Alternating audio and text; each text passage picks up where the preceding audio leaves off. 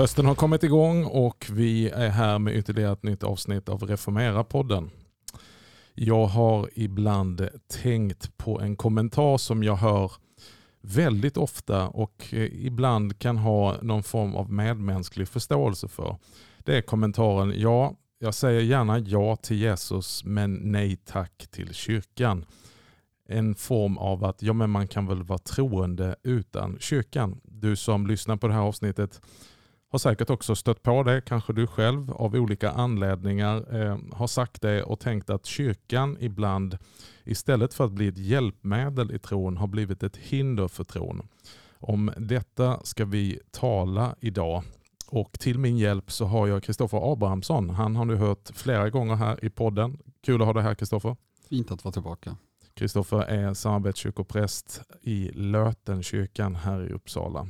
Ehm, du Kristoffer, jag tänkte eh, fylla på här min inledning med att citera teologen och den eh, tidigare Strängnäsbiskopen från tidigt 1900-tal, Gustav Aulén. Det här är ett samtal som har funnits lika länge som kyrkan har funnits och han sammanfattar och säger man kan li lika lite välja Kristus utan kyrkan som man skulle kunna välja kyrkan utan Kristus. De sitter ihop. De sitter väldigt tätt ihop och man kan nästan säga att Gustav är kamrat med Paulus som eh, när han förföljer kyrkan så säger Jesus varför följer du mig? Och för Paulus verkar det inte finnas en motsättning heller mm. utan han verkar dra slutsatsen att Jesus identifierar sig så pass mycket med kyrkan att kyrkan och Kristus är ett. Att förfölja kyrkan helt enkelt är att förfölja Kristus. Det är hans kropp som Bibeln talar om. Ja. Och eh, där tänker jag att det är ju i, när man börjar tala om de här frågorna kan det vara värt att påminna sig om att även om Jesus identifierar sig med kyrkan så är Jesus inte identisk med kyrkan. Mm. Vilket gör att de brister och de, det skav som de flesta av oss som varit i kyrkan en kortare period, någon dag, upptäckt att man inser att så här, men Jesus är inte exakt samma sak som kyrkan men trots det så identifierar sig Jesus väldigt, väldigt mycket med kyrkan och därför så behöver vi söka oss till kyrkan när vi också ska söka oss till Jesus. Det är intressant. I trosbekännelsen som vi stämmer in i varje söndag så bekänner vi att vi tror på en helig kyrka. Vi skulle egentligen kunna säga en fullkomlig kyrka. Kristi kyrka. Och helig är den ju i så mån att det är Kristi kyrka, att Kristus är i kyrkan. Men bristfällig är också kyrkan. Det behöver vi inte söka så länge efter på grund av oss.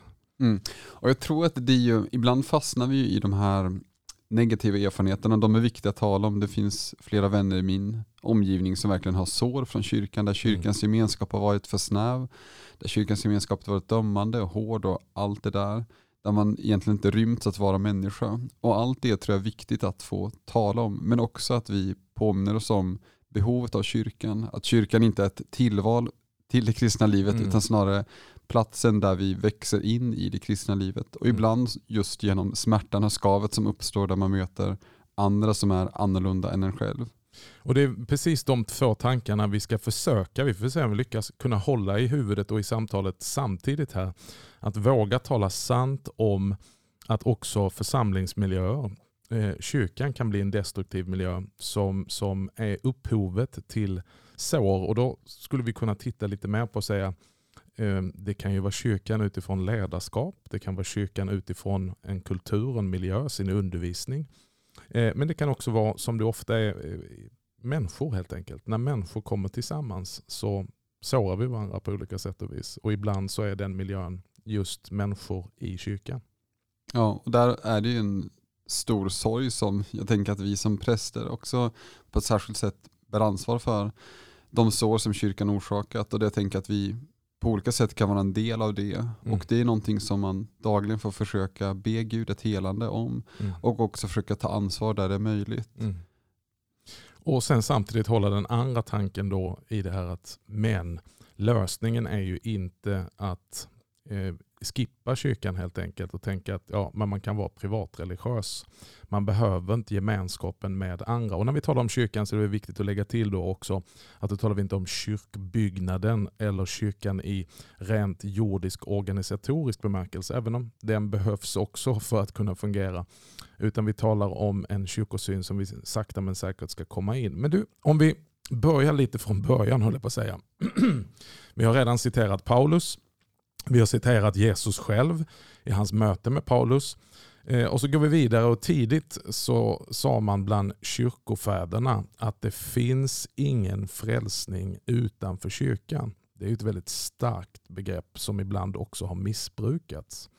Där man skulle kunna eh, eh verkligen utsätta människor för förtryck genom att utesluta dem ur kyrkan och därigenom också utesluta dem ur frälsningen. Mm. Och det är ju som alla de här orden som det finns en sanning i så används de som du säger på ett felaktigt sätt. Men jag tror att det finns något viktigt att inse det att kyrkan är inte, syftar inte till att vara en hjälp för det kristna livet utan är en del av det. Mm. Och det tänker jag är ett annat perspektiv. Om jag tänker att olika saker ska vara till hjälp för min tro så kan jag använda dem eller ersätta mm. dem med någonting som fungerar bättre. Men kyrkan är inte en produkt på det sättet utan kyrkan är men mer som en moder som det brukar mm. talas om också ibland.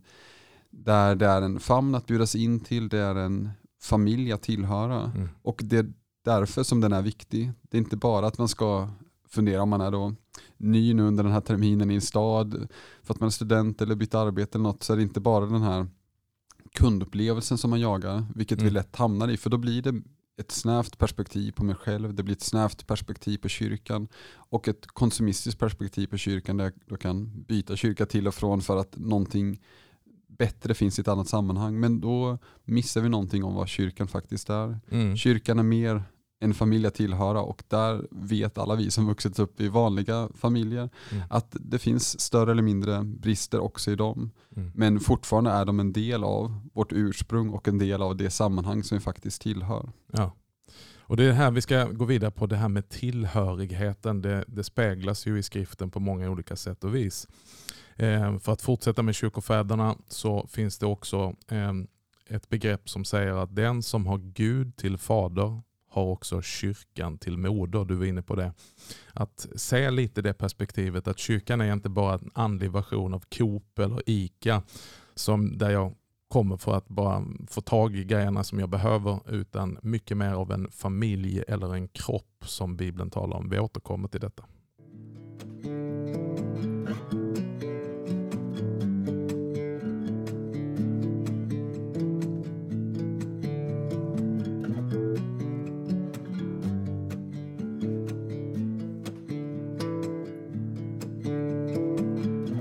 För att återknyta Kristoffer till det som jag sa i inledningen. Jag är säker på att du också har mött det. Eh, bland, du har mycket studenter i din församling. Eh, och eh, även om det finns i alla generationer så tror jag att vi, vi, le, vi lever i en tid där kyrkosynen kanske ibland har devalverats i den yngre generationen. och det är snarare ett tillval som, ja, om jag hittar någonting som är bra inom situationstecken och som ger mig någonting så kan jag välja till det. Men min tro är annars liksom min privatsak. Eh, och Då kan man tänka, var har den här devalveringen och omförhandlingen om kyrkosyn kommit ifrån? Många skulle peka på reformationen och Luther och säga att ja, men det springer ur det att Luther var en av de som monterade ner kyrkans auktoritet och kyrkans syn. Och absolut, Luther han var knappast den första och knappast den sista kyrkokritikern. Och en, en del av det vi säger idag är också en form av kritik till kyrkan. Men Luther han säger ju i samma anda som kyrkofäderna, och nu ska jag citera ett lite längre citat.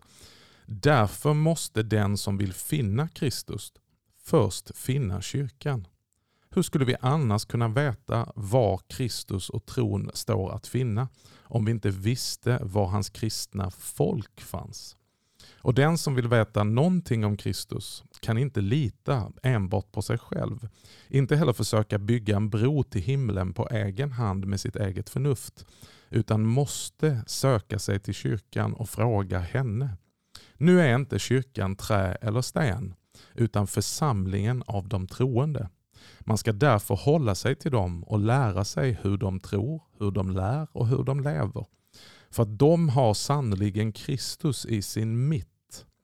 Utanför den kristna kyrkan finns nämligen inte sanningen, inte Kristus och inte frälsningen.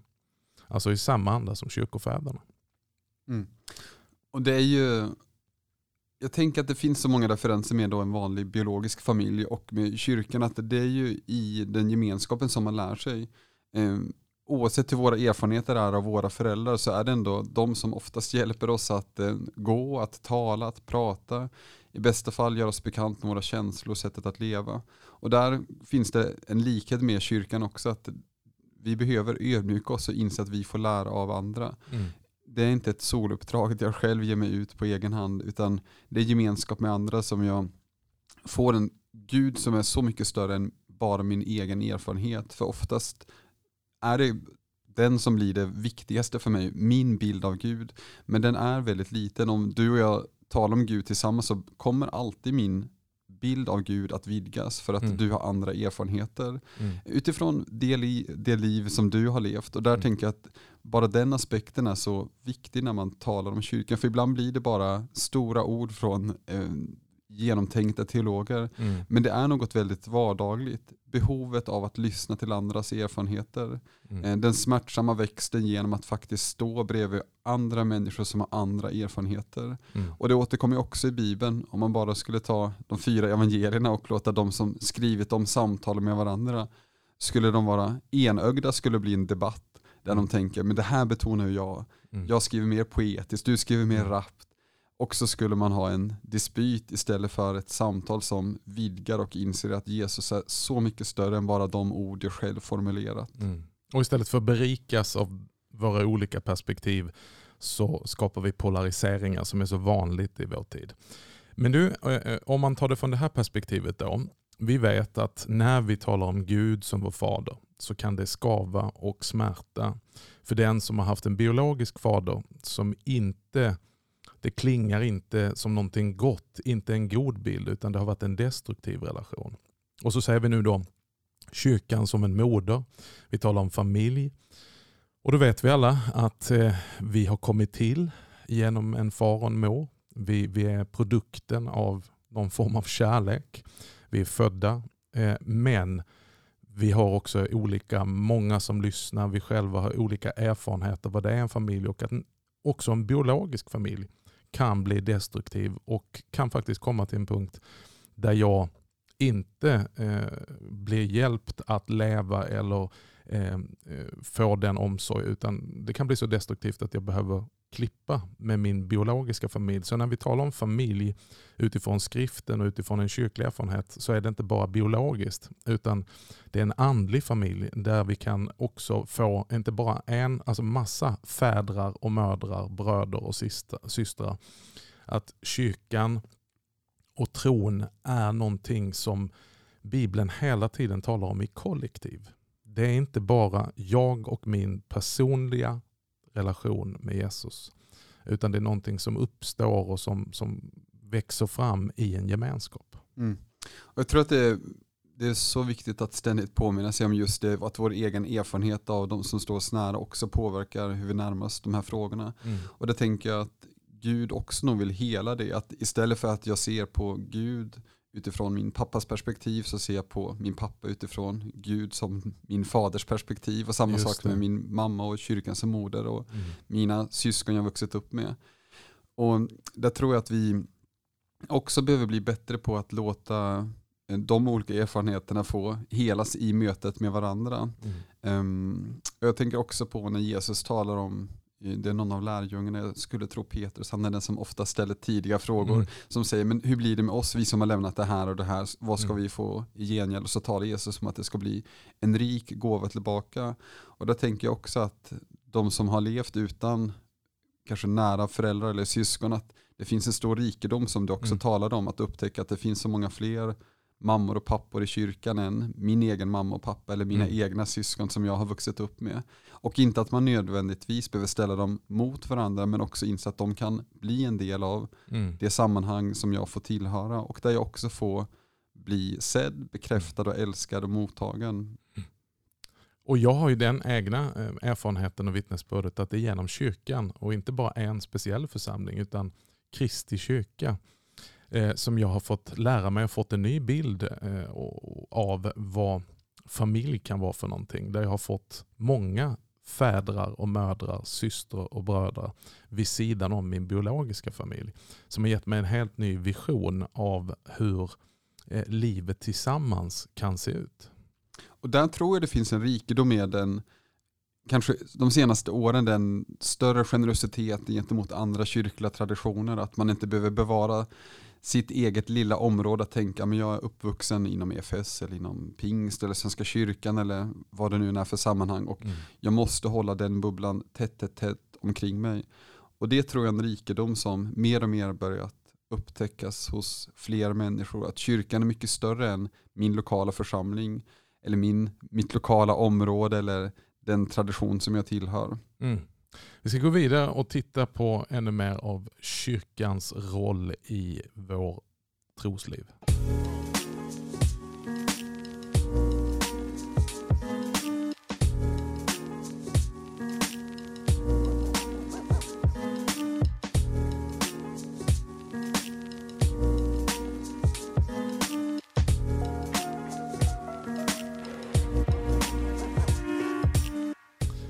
Vi har ju citerat Paulus redan innan här och i första Korinthierbrevet 12 så säger han i en och samma ande är vi alla döpta för att tillhöra en och samma kropp. Eh, vad betyder det Kristoffer? Får vi lite bibelfråga här. Men att dopet ses ju ofta som den ehm, porten in i kyrkans gemenskap och väl när vi har då blivit del av den gemenskapen så är vi ett med varandra.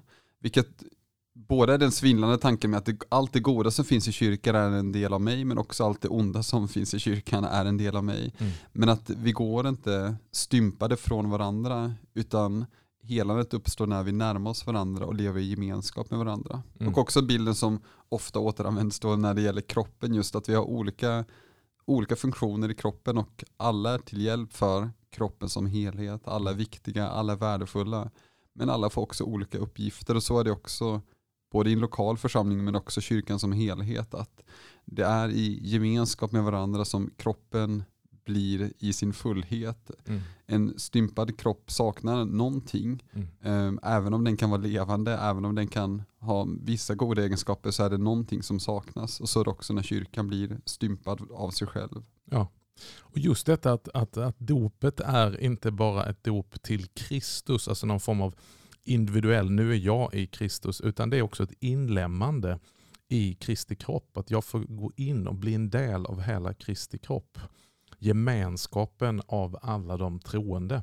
Och precis som du säger, en stympad kropp, en kroppsdel. Alltså vi kan ju ha fantastiska kroppsdelar. Det är ju intressant att studera anatomi och biologi och hur kroppen funkar. Men hur varje kroppsdel Eh, och hur vi som en helhet är beroende av att allting sitter ihop. Eh, eh, eh, mitt finger kan ju inte leva vidare om, om det lämnar kroppen. Utan här, här är någonting som där det blir ett det, det, det, det, det tillhör kroppen och det är där den finner både sin funktion men utan att bli för funktionsorienterad så handlar det också om att det är där den får liv så att säga en, en, en kroppsdel utan kropp är utanför livet. Mm. Och där är det återigen det välsignade ordet och som jag tror hjälper oss framåt. För i vissa sammanhang tror jag att det viktigaste blir den individuella frälsningen om man nu ska beskriva det. Man mm. frågar då, så, men är du frälst? Och så bara, men svarar jag på det så är det, då är det gott. Då, då kan du vara i kyrkan om det är till hjälp för dig, om det är till stöd för dig på något sätt. Och i den andra så blir gemenskapen kanske det mer betonade. Mm. Och där förenklat kan man väl ana en spaning i att i frikyrkan så har det varit där individuella frälsningsperspektivet och mer i Svenska kyrkan har varit gemenskapsperspektivet där man då har nöjt sig med att ja, jag tillhör ju den kristna gemenskapen mm. i landet Sverige mm. och det är gott nog. Mm. Och där tror jag att vi ännu en gång berikas av att mötas utifrån olika traditioner men också där vi inser att det är i det välsignade ordet och som de mm. här får befruktas av varandra och vi finner en väg framåt. Mm. Det är med Jesus i kyrkan, inte bara Jesus eller bara kyrkan, utan där när de är med varandra som kroppen helas. Mm. Och där behöver vi mer och mer, både i våra lokala sammanhang men också kyrkan som helhet, låta Jesu bön om att de ska bli ett, att mm. låta den bli verklig. Mm. Inte bara ett vackert ord att tala, utan ett sätt att leva. Mm. Här tänker jag på det inkarnatoriska perspektivet. När Kristus kommer till oss så kommer han i en kropp. Man möter inte i evangelierna ett plötsligt andeväsen, alltså en utomkroppslig upplevelse. Ehm, det hade varit väldigt abstrakt och väldigt svårt att identifiera ehm, och du är utlämnad till någon form av bara stundens ingivelse eller händelse. Utan Kristus blir kött och blod, tar sig en fysisk mänsklig kropp, eh, vandrar omkring så att människor kan se honom, människor kan komma till honom, människor kan röra vid honom. Han rör och betjänar genom sin kropp. Han använder sina händer och lägger dem på de sjuka och de blir friska. Han använder sin mun att förkunna allt det vi kan läsa om i skriften om Guds rike som nu har kommit. Ehm, och på samma sätt så kan vi idag då tänka att vi tappar, att vi tror på inkarnationen, men det var någonting som hände för länge sedan. Men vi tappar bort det inkarnatoriska perspektivet utifrån församlingen att Kristus fortfarande har en kropp faktiskt. Han kommer inte kroppslöst. Eh, den andliga upplevelsen, så som skriften talar om det, är inte bara en andlig upplevelse i allmänhet, är inte abstrakt utan den är knuten till en, en, en konkret gemenskap, en kropp där Kristus talar sina ord och skänker sina gåvor. Mm. Och där Jesus också säger att så här, ni har inte utvalt mig utan jag har utvalt er. Och det är ett, på ett sätt att Jesus kallar oss till sig och då kallar han oss, som du säger, till en gemenskap, till en kropp, till någonting som faktiskt är kroppsligt. Mm. Och där tror jag att det är ju lärjungarna blir ibland rädda för att Jesus är en vålnad, men jag tror att vi ibland skulle bli rädda för att Jesus är en kropp. Ja. och skulle nästan bli så här, men du är verkligen en riktig kropp. Du är inte bara en ande som svävar omkring eller en teori eller en dogm eller någonting annat, utan du är faktiskt kropp. För även efter Jesu uppståndelse så är det just genom Jesu kropp som lärjungarna känner igen honom. Det är när de får ta på Jesus, äta med honom, vara med honom, som deras tro återvänder. Mm. Och där tänker jag ibland att det är när vi också får öppnade ögon för att kunna se Jesu kropp, Kristi kropp, kyrkan, mm. som vår tro också kan återvända när vi har tvivlat, när vi har tappat modet, när vi känner oss dömda och när vi känner oss utanför. När ögonen får upp synen för att Jesu kropp är närvarande genom kyrkan, mm. men då tror jag att kärleken, tron och hoppet kan återvända också i våra liv. Mm. Så om vi försöker konkretisera det här nu då. Eh, vi, vi kommer att fortsätta ytterligare ett avsnitt om det här. Men om vi tänker då på kyrkosyn idag. Den, den i varje tid försöker ju omförhandlas också utifrån att man vill möta människor med dåliga erfarenheter. Man vill rätta till sånt som inte har blivit så bra i kyrkan. Men där kan ju också i denna omförhandling bli en devalvering i vad kyrkan är och vad, kyrkan, vad som konstituerar kyrkan och vad som faktiskt gör en kyrka till en kyrka. Vilket kan spä på den här, nej men jag behöver inte kyrkan. Som vi vänder på det och säger, varför behöver man kyrka? För att du är kristen är egentligen mitt korta svar. Eh, ofta blir det nyttoperspektivet som vi talat om tidigare. Utan är du kristen är du en del av kyrkan. Mm. Och när du lämnar kyrkans gemenskap så blir du bortskuren på ett sätt från den gemenskapen som du tillhör. Mm. Och både du och jag har erfarenheter av och liksom mött människor som verkligen farit illa av antingen då biologiska familjer eller kyrkofamiljen. Och där finns en full förståelse att man ibland behöver klippa banden, man behöver skapa distans. Det finns kristna sammanhang som har gjort vidriga saker och det finns fortfarande de sammanhangen. Och, och där behöver man då freda sig, men vi talar om en någorlunda dysfunktionellt fungerande kyrkofamilj. Mm. Um, och där det oftast är bättre att då vara del av den kyrkan som man bor nära med alla dess brister mm. och tänka att men mitt ansvar är att vara trogen kyrkan.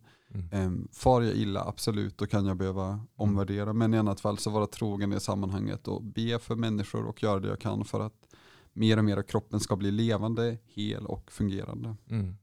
Så vad ska man titta efter då? Eh, när man, eh, vi kanske kommer in på det mer i vårt andra avsnitt, men när man kom, kommer till en ny stad, eh, kommer till en ny plats där man inte har naturliga tillhörigheter eller kopplingar.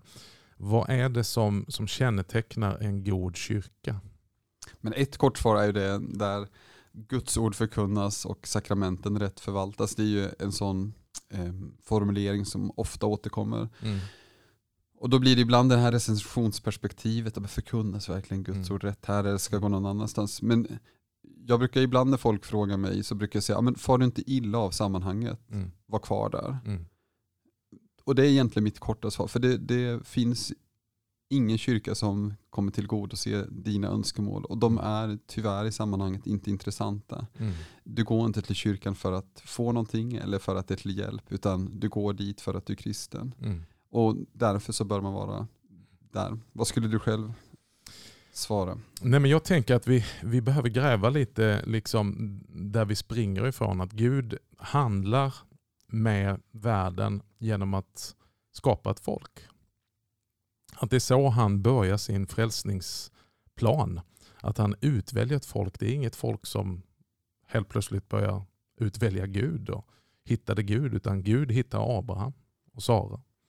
Och, och eh, genom Isak och sedan Jakob så formar han ett folk och det, det är verkligen, alltså, om vi ska tala om dysfunktionalitet och brister så är ju Bibeln helt osensurerad. Och, och visar fram sidor som, men hur kan detta vara Guds folk? Och, och, och det här folket hamnar i fångenskap men Gud håller fortfarande, han tappar inte planen, han tappar inte modet. Utan Gud har sin plan fortfarande genom fångenskapen i Egypten. Han befriar dem ut. De är befriade och är glada väldigt kort. Sen klagar de och så blir det en lång ökenresa innan de når det förlovade landet. Och sen får de sitt land men de avfaller till avgud. Alltså jag menar det finns så mycket där som vi skulle kunna spegla våra egna åsikter om vad kyrkan är, att kyrkan är dålig och är det här verkligen en god plan? Och jag tänker att de tankarna måste ha funnits bland folket också. Och inte minst bland det omgivande folket, hedningarna. De som inte kallades för Guds folk. Men det här är ju liksom någon form av skuggbild av det som förverkligas när förbundet fullbordas genom Jesus Kristus. Att detta folk har ännu inte bara kopplat till ett folkslag, judarna, utan vi blir inlemmade i detta Guds folk. Och precis som Gud utvalde dem, som du var inne på, så säger han till lärjungarna, ni har inte utvalt mig, utan jag har utvalt er. Ni är ett utvalt släkte, ni är kungar och präster, ni är mitt folk. Ni som inte innan var ett folk, ni är nu mitt folk. Så det är väldigt, där någonstans måste man börja och säga att man kan inte separera frälsningen från Guds frälsningsplan. Och frälsningsplanen innebär ju att du ska få bli ett del av Guds folk. Och bland Guds folk med alla sina brister, sina dysfunktioner, så verkar Gud. Det är den platsen där Gud har bestämt att verka. Så det här kroppsliga, det här konkreta, att Gud har knutit sig själv. Precis som vi kan vila i att Gud har genom sina löften knutit sig till brödet och vinet. Att där kan vi få ta emot honom, möta honom. Han har knutit sig till sitt eget ord, att när vi hör Guds ord utläggas, det kan vara bra, det kan vara mindre bra, men när vi hör Guds ord så är det Gud som talar till oss. Och så är det också med kyrkan, att det är hans kropp där han finns och där han verkar. Och där är jag övertygad om att vi som är något yngre har så mycket att lära av de som är äldre. Jag tänker ibland på det när jag är på landsbygden där mina föräldrar bor och är i, Mm. i kyrkan där det finns det de som har suttit, kanske på samma bänk, men i alla fall varit i samma kyrka under 40, 50, 60, 70, 80 år. Och de har ju uthärdat alla möjliga typer av präster, Mm. alla möjliga typer av idéer och planer och projekt. Mm. Ibland har de känt kanske ett amen när en ny präst har kommit, ibland har de nog känt ett herre förbarma dig. Oj då. Och eh, ändå har de troget gått dit. Mm. Och där tänker jag att det finns så mycket att lära av dem som har varit trogen kyrkan när kyrkan har varit trolös, som har varit trogen sitt sammanhang när kyrkan har svikit och där man har fortsatt bett, fortsatt hoppats, fortsatt trott i de sammanhangen. Mm. Och där tror jag att det finns så mycket att lära av de kyrkotrogna som har varit i samma gemenskap under lång tid. Mm. Det gamla afrikanska ordspråket Vill du gå snabbt, gå ensam. Vill du gå långt, gå i grupp. Vi återkommer till detta nästa avsnitt tillsammans då vi eh, ska fortsätta och eh, tala om detta och lite utifrån ja, men hur överlever jag då i en vanlig kyrka?